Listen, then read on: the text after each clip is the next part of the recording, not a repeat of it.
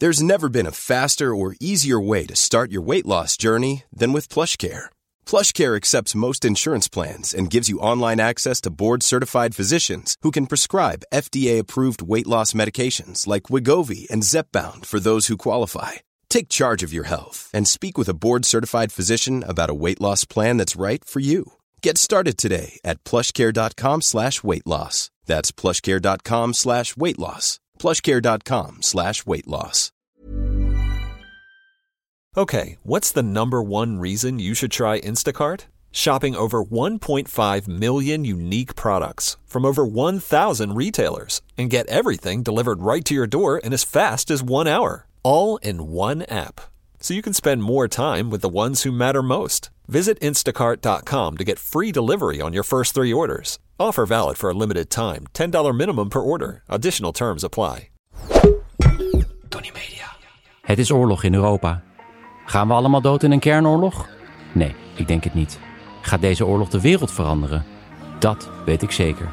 In samenwerking met Dagblad Trouw probeer ik met deze podcast grip te krijgen op de oorlog.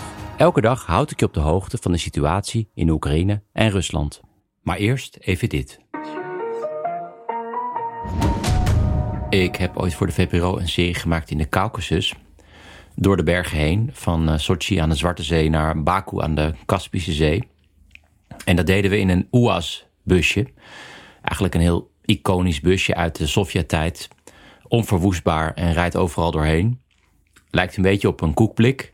Russen noemen het liefkozend een buganka, wat broodje betekent. En dan, daar lijkt hij op. Uh, het was echt een van de grootste avonturen uit mijn leven. En dat kunnen jullie ook doen deze zomer. Een reisorganisatie De Verdwaalde Jongens organiseren avontuurlijke roadtrips door Kirgizië. En op die roadtrip rijden jij en je vrienden zelf in 's werelds meest sexy four-wheel drive, de Buganka dus. De verdwaalde jongens laten je de allermooiste hoeken van Kirgizië zien en verzorgen aan het einde van de dag de barbecues, de wodkaartjes en de biertjes. Nou ja, wat willen mensen nog meer, denk ik dan? Gebruik de code Russisch Koekblik bij het boeken om 100 euro korting te krijgen. Er staat een link in de show notes. Dit gebeurde er op dag 77 van de oorlog. Oekraïne blijft het Russische leger terugdringen ten noorden van Kharkiv, de tweede stad van Oekraïne. Het Oekraïense leger staat nu voor de stad Vovchansk, een stad die 9 kilometer van de Russische grens ligt. Maar in zijn dagelijkse videoboodschap waarschuwde president Zelensky voor enig gevoel van euforie of buitensporige emoties. Hij zei: Het is niet nodig om morele druk te creëren, waardoor wekelijks of zelfs dagelijks bepaalde overwinningen worden verwacht. En dat is begrijpelijk, want tegelijkertijd rukte het Russische leger op naar de grens tussen Donetsk en Luhansk. En dat zou betekenen dat Rusland binnenkort controle heeft over de hele provincie Donetsk. Ter vergelijking, op 24 februari, de dag van de invasie, bezette Rusland nog maar een derde van dat gebied. Dit zou misschien net genoeg zijn voor Poetin om iets ja, van een overwinning te brengen aan zijn eigen bevolking. Wel een hele magere. Gisteren overleed Leonid Kravchuk. Hij was de eerste president van een onafhankelijk Oekraïne na het uiteenvallen van de Sovjet-Unie. Aanvankelijk was het een echte Sovjet-bureaucraat die het Oekraïnse nationalisme de kop indrukte. Maar eind jaren tachtig voelde hij een beetje de tijdgeest aan en begon uh, zijn strijd voor onafhankelijkheid van het land, van Oekraïne dus. In 1991 won hij de eerste verkiezingen in Oekraïne en toen zei hij: Oekraïne is geboren. Uh, Kravchuk is een van de ondertekenaars van het Budapest-memorandum uit 1994. Op dat moment stond een derde van de kernwapens van de Sovjet-Unie nog op Oekraïns grondgebied. En er stonden ook veel faciliteiten waar kernwapens werden gemaakt. Met het memorandum gaf Oekraïne de kernkoppen aan Rusland en sloot de faciliteiten. In ruil daarvoor beloofden de, de ondertekenaars dat ze de territoriale integriteit van Oekraïne zouden erkennen. Een van die ondertekenaars was Rusland. En ja, ik denk dat duidelijk is dat Rusland zich niet aan die afspraak heeft gehouden. Het is interessant om te bedenken hoe de geschiedenis was gelopen als Oekraïne wel die wapens had gehouden. Vitali Klitschko, de burgemeester van Kiev, schreef op Telegram als reactie op de dood van Kravchuk: We vechten nu voor onze onafhankelijkheid en vrijheid. De soevereiniteit die we 30 jaar geleden kregen, zullen we behouden. Gaan we door naar de Russische media. Het is bekend dat Russische soldaten bij het plunderen één hoofdprijs hebben en dat is een wasmachine. Het wemelt van de memes van Russische soldaten die over het Rode Plein paraderen met een wasmachine op hun tank. Gisteren zag ik hoe ver die liefde voor wasmachines gaat op een filmpje. Uh, er is een loopgraaf te zien en volgens de makers van de video is die net heroverd op de Russen. En in die loopgraaf staat een wasmachine van het merk Indesit in uitstekende conditie. Kennelijk meegenomen door een soldaat die zijn gewilde cadeau niet uit het oog wilde verliezen. Wasmachines zijn nog relatief zeldzaam in Rusland. Iedereen is gewend om de was met de hand te doen. Ook trouwens veel mensen die vinden dat je kleren dan langer meegaan. Dus die doen dat dan bewust. Ik had een vriendin, Russische vriendin, die twee onderbroeken had. Eentje waste ze altijd onder de douche. En die draaide hem daarna om, om de radiatorbuis. En de volgende dag kon ze die dan weer gebruiken. Zij was daar heel handig in. Ik werd zelf helemaal gek van uh, was met de hand te doen. Maar raadselachtig genoeg was in de hele stad Moskou, een stad met 12 miljoen inwoners, geen enkele wasseretten te vinden.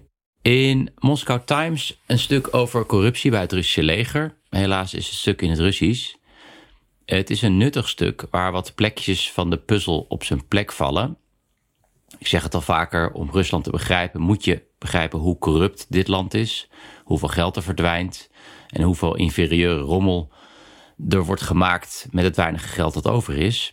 Op dag 58 meldde ik een brand in een instituut voor raketsystemen in de stad Tver, tussen Sint-Petersburg en Moskou. In februari 2019 werd major Sergei Jagolnikov opgepakt. Hij gaf leiding aan het instituut. En voorafgaand aan de arrestatie hadden een aantal gepensioneerden in Tver geklaagd. Want die werden lastiggevallen over een inkomstenbelasting over werk dat ze helemaal niet hadden gedaan. Want ja, ze waren met pensioen. En wat bleek, die Jagolnikov had de namen van deze gepensioneerden op zijn loonlijst gezet. En al het geld naar hemzelf doorgesluist van hun salarissen, rond de 5 miljoen euro. Dat geld was eigenlijk bedoeld voor een early warning systeem. Dat zou dan geplaatst worden in de buurt van Alaska tegen Amerikaanse kernraketten. Die brand in dat instituut zou dus kunnen zijn ontstaan om administratie te vernietigen om andere verduisteringen te verbergen, wordt gespeculeerd op Telegram. De oorzaak van de brand is officieel nog steeds kortsluiting. Wat trouwens ook goed mogelijk is, want corruptie bij de brandweer is ook berucht in Rusland. Inspecties van de brandweer worden routineus afgekocht. Het artikel meldt ook nog een scam van een fabriek die Russische kruisraketten maakt, die nu worden afgeschoten op Oekraïne en vaak nogal onbetrouwbaar blijken. Het kan ermee te maken hebben dat het eh, management van die fabriek kwalitatief hoogwaardige motoren van de raketten illegaal verkocht, notabene aan een Oekraïns bedrijf. En van de restjes uh, ja, van andere delen van raketten nieuwe motoren bouwden die ja, natuurlijk minder goed waren. Het stuk meldt ook een scam met militaire beveiligde radio's, waarvan bekend is dat die niet werkten aan het begin van de oorlog en generaals daarom mobieltjes moesten gebruiken die makkelijk te traceren waren met dodelijke bombardementen tot gevolg. Op dag 48 vertelde ik over de Russische Orlan-drone met uh, ja, een plastic waterfles als brandstoftank en een Canon spiegelreflexcamera met klittenband vastgemaakt als camera. Ja, kost bij elkaar niet heel veel geld en toch kostte die drone dan 100.000 dollar per stuk.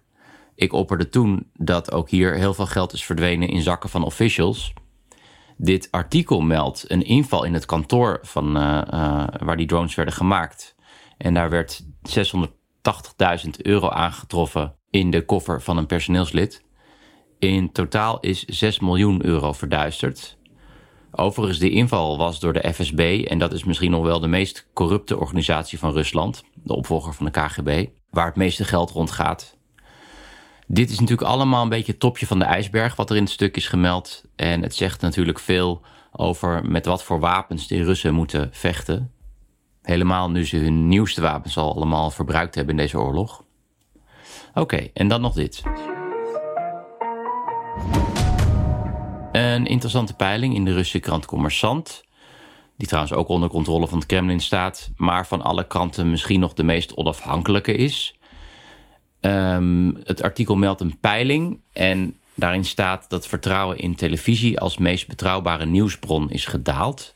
In maart vond 33% van de ondervraagden televisie nog steeds het meest betrouwbaar. Maar in april was dat gezakt tot 23%. Tegelijkertijd is het vertrouwen in de social media, vooral Telegram, juist gestegen, ook naar 23%. Dus op dit moment vertrouwen net zoveel mensen Telegram als de televisie. Wat is toch dat Telegram waar ik het zo vaak over heb? En trouwens, Jelle, waarom zeg je geen Telegram? Wordt me eens gevraagd. Nou ja, het is op zich een Russisch bedrijf. Dus ik zou eigenlijk moeten zeggen Telegram. Dan vind ik de uitspraak Telegram een beetje een compromis. Ehm, ik schijn trouwens ook show notes raar uit te spreken. Show notes, show notes. Hm, nou ja, valt mezelf niks op. Um, oprichter van Telegram is Pavel Durov. Hij staat bekend als de Russische Mark Zuckerberg. Hij is de twaalfde rijkste persoon ter wereld met een vermogen van 15 miljard euro. Hij is altijd een beetje gekleed als Neo uit de Matrix. Wat op zich wel toepasselijk is, want Telegram bekijken is een beetje als de Red Pill nemen. In 2006 begon Durov de site Vkontaktje. Dat betekent in contact. Hij was toen 22, uh, als, een beetje als tegenhanger van Facebook. Rusland is heel origineel hierin. Ze gebruiken niet bijvoorbeeld Google, maar Yandex. Ze gebruiken ook geen Facebook, maar Vkontaktje en Adnaklasniki, wat klasgenootjes betekent. Facebook en Google zijn er wel, maar daar geeft ze niet de voorkeur aan. In 2014, na de annexatie van de Krim, weigerde Durov data te overhandigen van Russen die demonstreerden tegen de annexatie. En hij weigerde ook de pagina van oppositieleider Navalny te verwijderen. Vervolgens vluchtte hij naar het buitenland en ontwikkelde zijn nieuwe project, Telegram dus.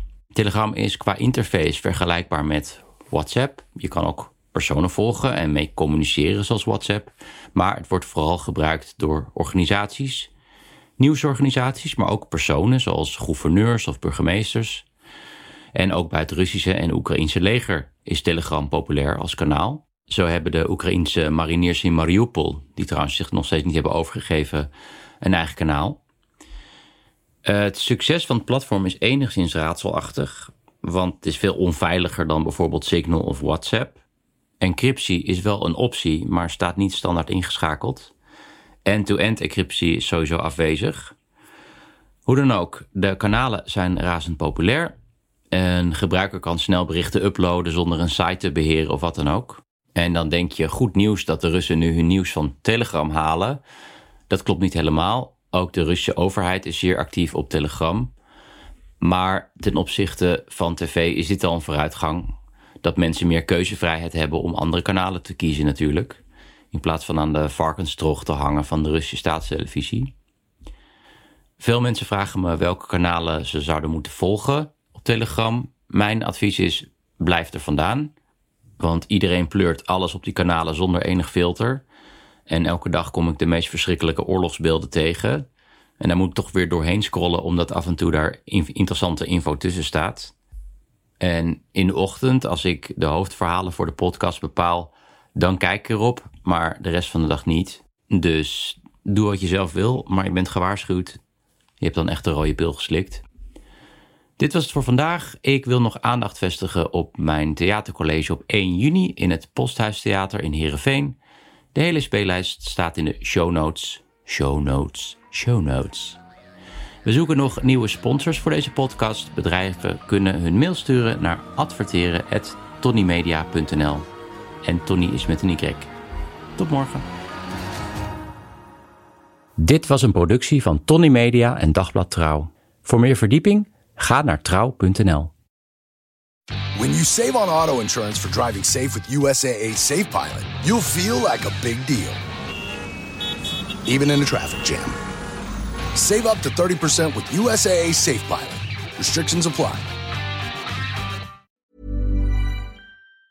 Even on a budget, quality is non-negotiable. That's why Quince is the place to score high-end essentials at 50 to 80% less than similar brands. Get your hands on buttery soft cashmere sweaters from just 60 bucks, Italian leather jackets, and so much more. And the best part about Quince, they exclusively partner with factories committed to safe, ethical, and responsible manufacturing. Elevate your style without the elevated price tag with Quince. Go to quince.com slash upgrade for free shipping and 365-day returns.